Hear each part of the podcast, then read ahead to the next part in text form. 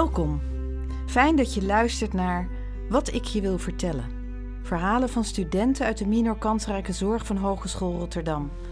Verhalen over liefde, leven, verlies en winst. Maar wat is het verhaal van deze podcast? Zou het niet fantastisch zijn?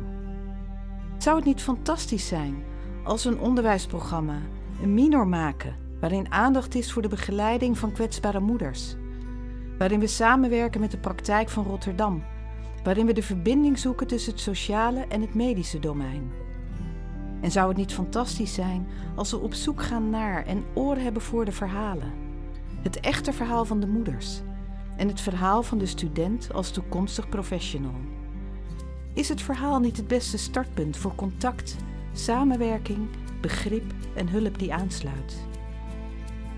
Met deze wens begon ik aan de voorbereiding van mijn avontuur. Een avontuur waarin ik studenten vanuit verschillende opleidingen mee zou nemen in de wereld van kwetsbare moeders. Een onderwijsprogramma, een minor waarin verhalen centraal staan. Vijf maanden lang mochten de studenten deze vrouwen begeleiden. Ze hebben stage gelopen bij het babyhuis en bij Moeders van Rotterdam.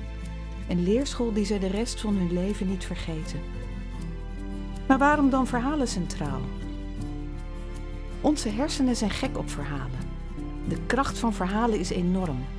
Ze geven betekenis aan feitelijke informatie en aan gebeurtenissen in ons leven. Ook geven verhalen de mogelijkheid je in te leven in de ander. En kenmerkend voor verhalen is dat zij zich niets aantrekken van schoolstructuren, procedures en fysieke locaties. Ze lopen er dwars doorheen. In verhalen vertellen mensen, vaak ongemerkt, hoe zij het dagelijks leven ervaren, wat voor hun belangrijk is in hun leven of studie en wat ze geleerd hebben. Ik heb gekozen voor toegepaste storytelling, een methodiek die als rode draad door het hele onderwijsprogramma van de minor kansrijke zorg loopt.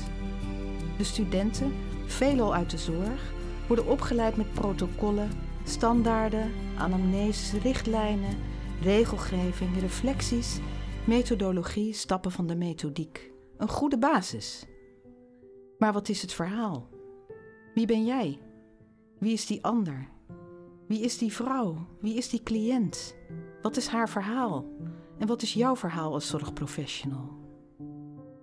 We hebben gewerkt met de narratieve structuur, uitgewerkt in een werk-reislogboek voor de studenten. Een heldenreis in acht etappes. Je kunt zeggen dat deze minor een reis is voor de studenten, en door verhalen als interventie te gebruiken, ontdekken de studenten op een natuurlijke wijze welke ontwikkeling zij zelf, de cliënten of klanten, medestudenten en collega's doormaken. De studenten hebben geworsteld, gezocht, gevonden en geschreven. Ze zijn voor hun verhaal en voor het verhaal van de moeders gaan staan. In 2019 hebben we een boek gemaakt. Verhalen van en over studenten uit de minor kansrijke zorg. In 2020 hebben we deze podcast gemaakt. Een podcast van vier delen. Je zult verhalen horen van studenten zelf over hun reis, de ontwikkeling tot professional die ze willen zijn en je zult verhalen horen die studenten hebben opgehaald bij de moeders. We kunnen veel leren van de verhalen uit de stages van de studenten bij het Babyhuis en Moeders van Rotterdam. We willen je een indruk geven van de wereld van de studenten en de wereld van de moeders. En deze podcast had echt niet gemaakt kunnen worden zonder deze studenten. Zonder de moeders die hun verhalen met de studenten hebben gedeeld. En zonder het babyhuis en moeders van Rotterdam waar studenten stage mochten lopen. Mijn dank daarvoor. In dit eerste deel hoor je de verhalen van Sophia, Diede en Sophia. Er zijn twee Sophia's. Verhalen over het begin, de opmaat naar de keus voor verloskunde over de keuze om er te zijn voor je kind en de hulp die je gekregen hebt, en over de zoektocht naar de juiste plek. Begin bij het begin. Hier ver vandaan leefde een meisje. Haar moeder en haar twee oudere zussen waren haar steun en toeverlaat. Nooit had ze gedacht zoveel van mensen te kunnen houden, als dat ze hield van deze drie sterke vrouwen. Haar leven was verre van perfect, maar daar streefde ze ook niet naar.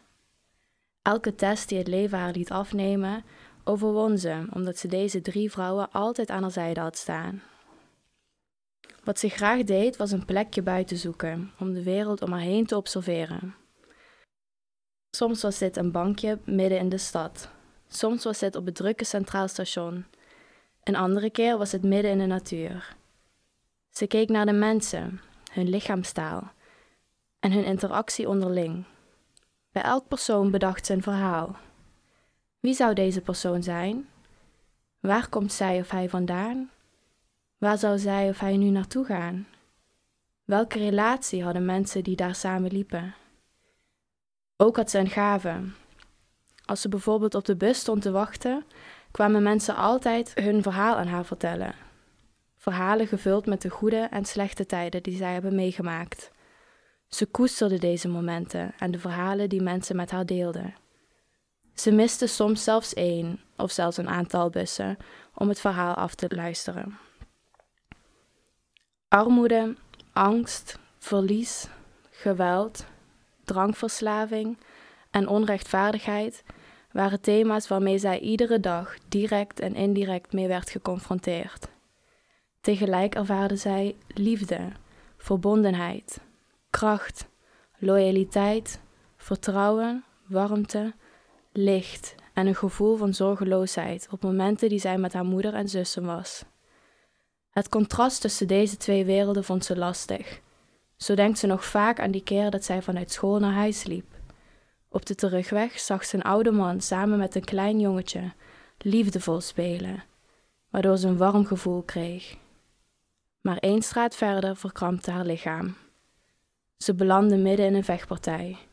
Hoe kon het leven zo tegenstrijdig zijn? Ze vond geen antwoord op deze vraag. Toen ze veertien was, kreeg ze levensbeschouwing op school. Een vak waar haar klasgenoten altijd tegenop zagen. Maar voor haar was het thuiskomen. De docent was ook haar mentor.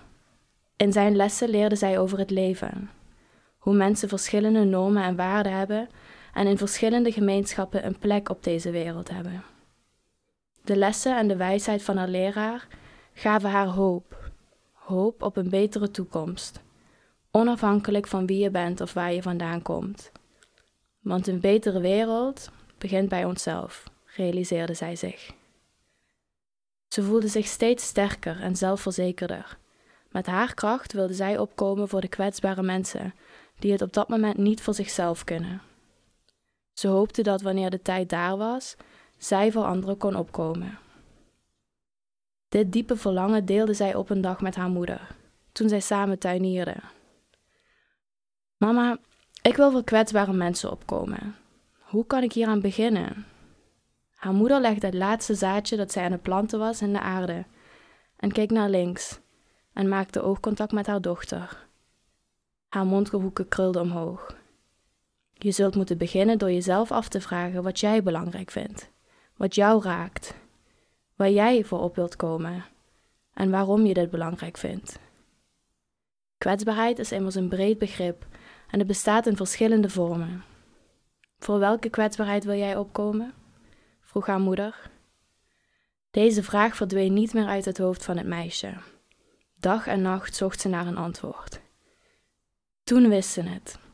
Alles begint altijd ergens, concludeerde ze. Ook zij moest beginnen bij het begin. Bij het begin van leven, de zwangerschap. In contact komen met ouders in verwachting van een kindje zou haar de mogelijkheid geven om hen begeleiding te bieden waar nodig. Dit om ouders voor te bereiden op hun rol als verantwoordelijke ouder, iets wat ieder kind verdient. Daarnaast zou ze de kans krijgen om aanstaande ouders met hun diepste krachten te verbinden, om het door hun gecreëerd leven op hun manier ter wereld te brengen. Met dit doel in haar achterhoofd stapte zij, zelfverzekerd, de wereld van de verloskunde in. Dankjewel, Sophia. Jij hebt ons een kijkje, of je hebt ons een stukje meegenomen in jouw gedachtenwereld. Mhm. En jouw, eh, ja, jouw weg naar de opleiding verloskunde. Je hebt gekozen om dit verhaal Mhm. met ons te delen. Van waar deze keus? In eerste instantie wilde ik mijn eigen verhaal eigenlijk niet delen. Ik wil dit liever eigenlijk op de achtergrond houden en juist het verhaal van de moeder belichten. Maar uiteindelijk heb ik toch voor dit stuk gekozen. Omdat ik mensen bewonder en respecteer die een deel van hun leven opofferen vanuit hun hart om voor anderen, de medemens, op te komen. Het is namelijk veel voorkomend en vaak voor de hand liggend dat mensen voor hunzelf leven en aan hun eigen belangen denken. Dus ik vind het dan nog specialer en interessanter wat zorgverleners en hulpverleners zo hard laten rennen voor een ander. Zelf kan ik zeggen dat ik hard ren. Ik sprint voor de gezinnen die ik heb mogen begeleiden en in de toekomst zal begeleiden. En dit is een stuk van mijn eigen verhaal, van mijn eigen motivatie en waar het voor mij allemaal begon. Ja, je zegt jij sprint als toekomstig zorgverlener of als toekomstig verloskundige, Mhm. mag ik zeggen. Dus voor de cliënten die je gaat begeleiden. Ja, En dat, dat relateer je aan jouw eigen verhaal. Hoe jij tot deze keuze bent gekomen. Klopt ja, dat? klopt. Ja. Ik denk het aller, aller, allerbelangrijkste wat allemaal op terugkomt, is om zich echt niet per se los te koppelen van je eigen persoon, maar echt alles eraan te doen om je te verplaatsen in de leefwereld van de ander. Oh, het gaat jou om de verbinding dan met de ander, om de ander te begrijpen. Dat is Ja, wat je. want je kan denk ik pas goede zorg leveren ehm, die echt aansluit bij de cliënt die voor je zit, wanneer je echt vanuit hun punt ehm, kan denken, kan voelen, kan, eh, hun kan bijstaan. Dus dat is denk ik het allerbelangrijkste wat ik zou mee willen geven. En heeft dan het werken bijvoorbeeld zoals je nu hebt gedaan met, met verhalen en naast de moeder zitten, heeft dat jou dan nog geholpen daarbij? Heb je daar iets uit kunnen halen? Ja, absoluut. Ik heb in deze periode heb ik tijd gekregen om moeders ruimte te geven om hun verhaal te delen. En die ruimte hebben ze volledig in beslag genomen. De moeders? Oh, ja, ze, ze wilden hun verhaal vertellen en ze wilden ehm, vertellen wat zij erover dachten. Ehm, ook denk ik omdat in de praktijk vaak hun niet de kans is gegeven om dat te doen. Heb je een idee wat voor hun het effect, wat voor effect dat op, op hun heeft gehad? Dat jij daar was en die verhalen op hebt gehaald? Nou, ik denk dat zij realiseerden dat, eh, dat ze ertoe doen. Dat iemand hun waarde erkende. En eh, hun waarde soms zelfs hoger schatten dan zij dat zelf doen. Dan hoor je nu het verhaal van Diede. Het verhaal over de keuze om er te zijn voor je kind en de hulp die je gekregen hebt. Kiezen voor mijn kind. Aan het strand. De zon gaat onder. In het maanlicht zie ik een verschijning van een gespierde man met blonde krullen. Blonde krullen is niet iets wat je vaak ziet in Thailand en hij trok meteen mijn aandacht. Met het zand tussen mijn tenen liep ik naar hem toe. Wat kan er nou misgaan? dacht ik. Ik moet er wel een keer voor gaan. Met knikkende knieën begon ik het gesprek. Hi, riep ik, net iets te enthousiast. Hi, beautiful lady. What are you doing so late on the beach? Zo begon ons gesprek, het begin van een verdrietig verhaal. Mijn verhaal begint in China. Hier heb ik mijn hele leven gewoond tot ik een jaar of twintig was. Ik had altijd al de droom om te reizen en ik besloot een studie acupunctuur te volgen in Nederland. Daar ging ik dan. Daar begon mijn verhaal. Ik ging in mijn eentje vanuit China verhuizen naar Nederland om te studeren. Wat was dat een spannende stap, zo ver van huis. Eigenlijk was het niks voor mij om buiten mijn comfortzone te treden, maar ik vond dat het tijd was voor mij om op ontdekking te gaan en mezelf te ontwikkelen. In de tijd dat ik studeerde kon ik gelukkig slapen bij een kennis op de bank. Vrienden had ik niet. Na mijn studie besloot ik op reis te gaan. Reizen was iets wat ik altijd al wilde doen. Toen ik met de jongen op het strand in Thailand aan de praat raakte tijdens mijn reis, vertelde hij al snel over zijn wens om zijn eigen dorp op te richten op een plek waar geen voorzieningen aanwezig zijn en om van niets iets te maken. Dit is een fantasie die ik zelf al langere tijd had, dus het sprak me aan dat we dit idee samen konden delen. Een jaar later was het zover. Hij ging naar Paraguay om zijn community op te richten. Ik ging mee, ondanks dat ik inmiddels zwanger was. Het was nog aan het begin van mijn zwangerschap. Ik voelde me ontzettend ziek en ik moest ieder uur overgeven. De zwangerschap was ongepland. Ik heb lang nagedacht en getwijfeld over deze zwangerschap. Het was voor mij zo chockerend dat ik een afspraak heb gemaakt bij de abortuskliniek. Van tevoren moest er een echo gemaakt worden om de zwangerschap vast te stellen. Toen ik mijn dochter op de monitor zag in de vorm van een kleine teddybeer, veranderden mijn gedachten. Ik wilde voor haar zorgen en ik voelde een moedersinstinct naar boven komen. Dus ik besloot de abortus niet voor te zetten. Vanaf toen wilde ik mijn kind alles geven wat ik zelf heb gemist van mijn ouders. Maar kon ik dat wel? Mijn vriend was inmiddels niet meer de charmante man die ik ontmoette op het strand in Thailand. Hij liet me in Paraguay alleen maar aardappels en tomaten eten. Geld had hij niet. We waren aangekomen op de plek waar we het dorp zouden oprichten. Het was een plek met letterlijk helemaal niets. Geen huizen, geen water, geen elektriciteit en geen eten. Mijn inmiddels ex-vriend deed zijn best om er iets van te maken. Hij ving regenwater op zodat we dat konden drinken en hij hing een zeil op aan de bomen zodat we droog konden slapen op de grond. Zo zag ik het oprichten van een eigen community niet voor me. Ik had het heel anders verwacht.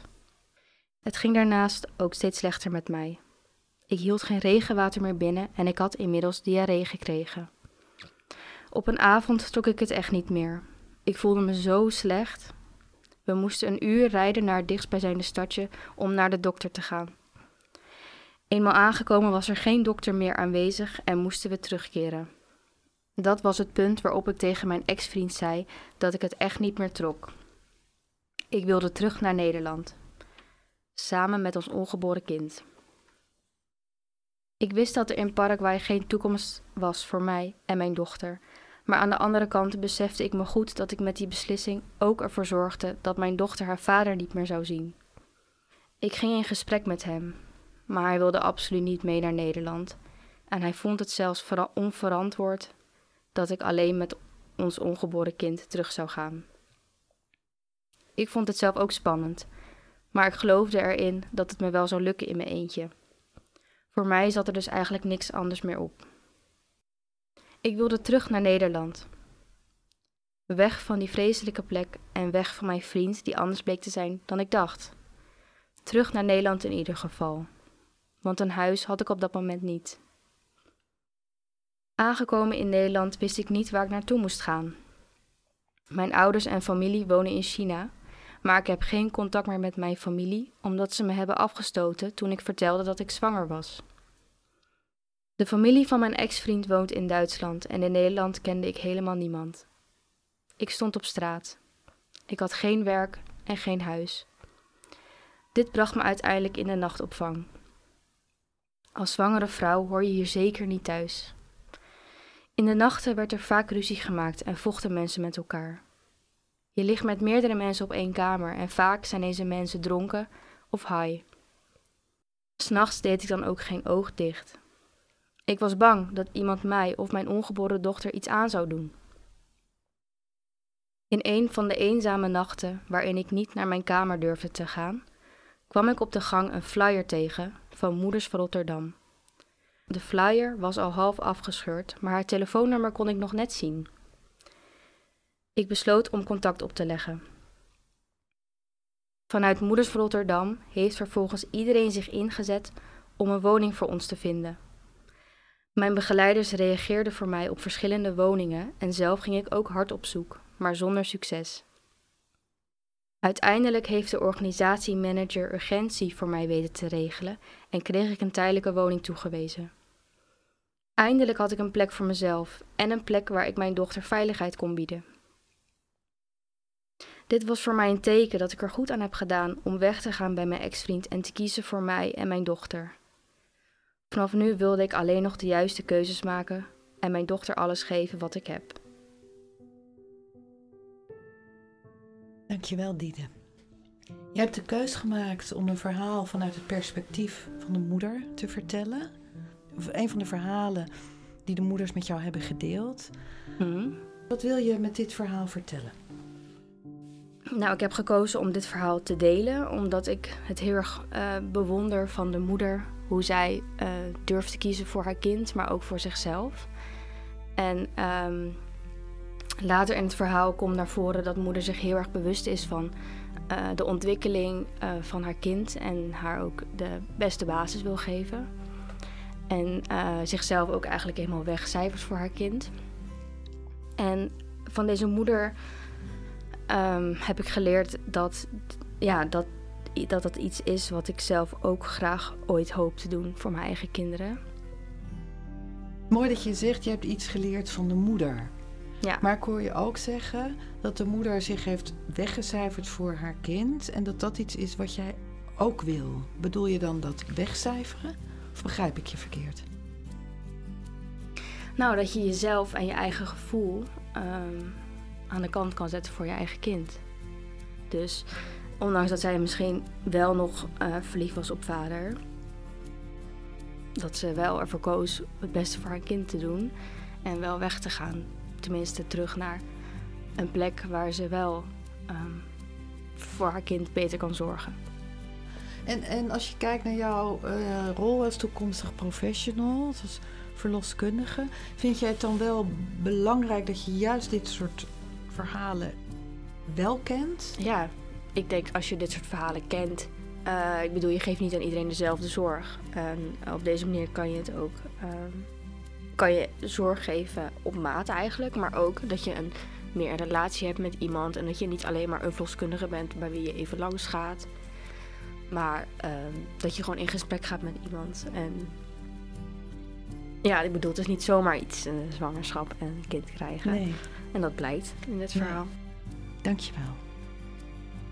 En dan gaan we nu alweer naar het laatste verhaal in deze eerste aflevering. Het verhaal van Sophia. Het verhaal over de zoektocht naar de juiste plek. Wees trots op jezelf. Op een koude decemberdag deed ze voor het eerst haar ogen open. Dit kleine mensje, wat slechts 2500 gram woog, begon haar leventje vol energie en levenslust.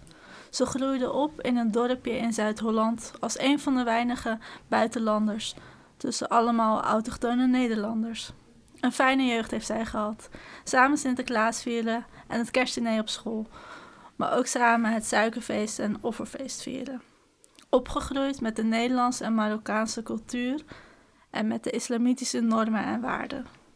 Verschillend, maar toch één met de rest. Dit is een van de belangrijkste dingen die zij heeft geleerd van haar opvoeding en jeugd.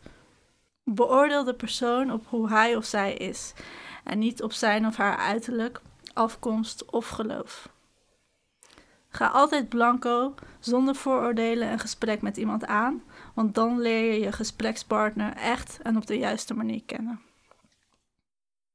Haar energie en volle levenslust nam echter met de jaren af. Allerlei vragen kregen steeds meer de voorgrond in haar gedachten. Wie ben ik? Wat wil ik? Wat kan ik? En wat wil ik achterlaten op deze wereld? Van open en enthousiast werd ze steeds bedachtzamer en onzekerder. Ze zat zichzelf in de weg, ze ging alles overdenken en durfde daardoor geen spontane beslissingen meer te nemen, omdat ze bang was voor de reactie van anderen. Uitdagingen ging ze liever uit de weg, tenzij ze haar aangeboden werden op een presenteerblaadje. Om hulp vragen op persoonlijk vlak als ze ergens niet uitkwam, had ze nooit gedaan, omdat ze dan bang was voor de afwijzing. Ze gaf het geheel dan liever op dan dat ze afgewezen zou worden. Liever trots en gefaald dan om hulp vragen en die dan niet krijgen was een van haar levensregels. Zou ze haar trots opzij kunnen zetten en het aandurven om fouten te maken? In haar vierde studiejaar koos ze voor de minor kansrijke zorg. Na ruim 3,5 jaar vooral financiële dingen geleerd te hebben op haar opleiding, was deze minor een hele omschakeling. Van het maken van hypotheekadviezen voor klanten was ze nu opeens bezig met het geven van pedagogische adviezen aan moeders van pasgeboren baby's. Het was in het begin erg wennen, maar wat heeft ze het naar haar zin gehad en wat heeft ze veel geleerd. De moeders, die allemaal op hun eigen manier erg sterk waren, ondanks de diverse tegenslagen die ze in hun leven meegemaakt hebben. Het was een ervaring die ze nooit meer zal vergeten en de rest van haar leven zal meenemen in zowel, zowel haar privé als werkleven. Over vijf jaar hoopt ze werkzaam te zijn in de financiële sector, alleen dan met oog voor kansarmen in de samenleving. Door af en toe gewoon simpelweg te luisteren naar klanten, om te begrijpen waarom ze misschien voor de adviseur lijkende onhandige dingen gedaan hebben. Door klanten aan te horen kan je hun problemen verminderen in plaats van ze te verergeren. Hoe haar verhaal verder verlopen gaat is nog onzeker. Zal ze haar draken overwinnen en zichzelf herontdekken? Of zullen de draken haar overwinnen en zal ze nooit ontdekken wat haar bijzonder maakt? Wat wel zeker is, is dat ze er alles aan zal doen om het beste uit zichzelf en alle mensen om haar heen zal proberen te halen. Sophia, dank je wel. Graag gedaan. Nou, jij geeft aan dat je eigenlijk uit een hele andere wereld deze minor bent ingestapt. Je bent echt een nieuwe wereld. Dat klopt Ingestapt. inderdaad, ja. Waarom heb jij gekozen om dit verhaal aan ons te vertellen? Nou, omdat uit het verhaal komt wel heel erg goed naar voren, zeg maar, dat ik heel erg onzeker ben en ben geweest. En ik denk dat, eh, ja, dat meerdere mensen hetzelfde hebben. En ik wil, ik heb dit verhaal gedeeld omdat ik wil laten zien dat dat niet erg is. En dat je, zolang je er zelf maar bewust van bent en ja, er aan blijft werken en nieuwe uitdagingen gaat zoeken, dan is, het, eh, is dat niet erg. Ja, want dan, je, je zegt onzekerheid, maar je bent wel, zeg maar vanuit een heel ander instituut, kies je wel voor een totaal onbekende wereld. Ja, maar dat was voor mij ook wel heel erg spannend en heel erg moeilijk. En ik twijfelde eraan of ik wel de juiste beslissing had genomen. Vooral in de eerste paar weken. Alleen, ja, eh, wat in mijn verhaal ook naar voren komt. eh, ik heb mezelf wel echt leren kennen. En ook de essentie van het leven leren kennen door de, door de moeders, door deze minor, door deze stage. En dat is eh, ja, iets wat ik de rest van mijn leven mee zal nemen. Mooi. En als je, als je kijkt naar jouw toekomstige beroep, daar zeg je ook iets over. Wat, eh, wat neem je dan mee uit de minor? Eh, wat ik uit meeneem is dat je, niet, dat je niet altijd de regels en de protocollen hoeft te volgen. Soms is het ook gewoon heel erg belangrijk om te luisteren naar de persoon die tegenover je zit. Naar het ware verhaal te luisteren. En ja, samen naar een passende oplossing te zoeken. In plaats van het voor de klant tegenover je moeilijker te maken dan dat het al is. Soms is een beetje ademruimte uh, alleen maar fijn. Hoe vond je de verhalen? Heb je een kijkje in de wereld van de moeders en de studenten gekregen? Ik hoop dat je nieuwsgierig geworden bent naar aflevering 2, met daarin weer drie verhalen van en over studenten uit de minor kansrijke zorg. In aflevering 2 ga je de verhalen horen van Marit, Maaike van der Loo en Merel Arendsen. Verhalen over pieken en dalen. De twijfel, kan ik wel een goede moeder zijn? En hoe gebeurtenissen en emoties invloed hebben op verschillende generaties. Mocht je vragen hebben of meer willen weten over de verhalen of het werken met verhalen, je kunt mij mailen s.klinkenberg.hr.nl Met hartelijke groet, Saskia Klinkenberg.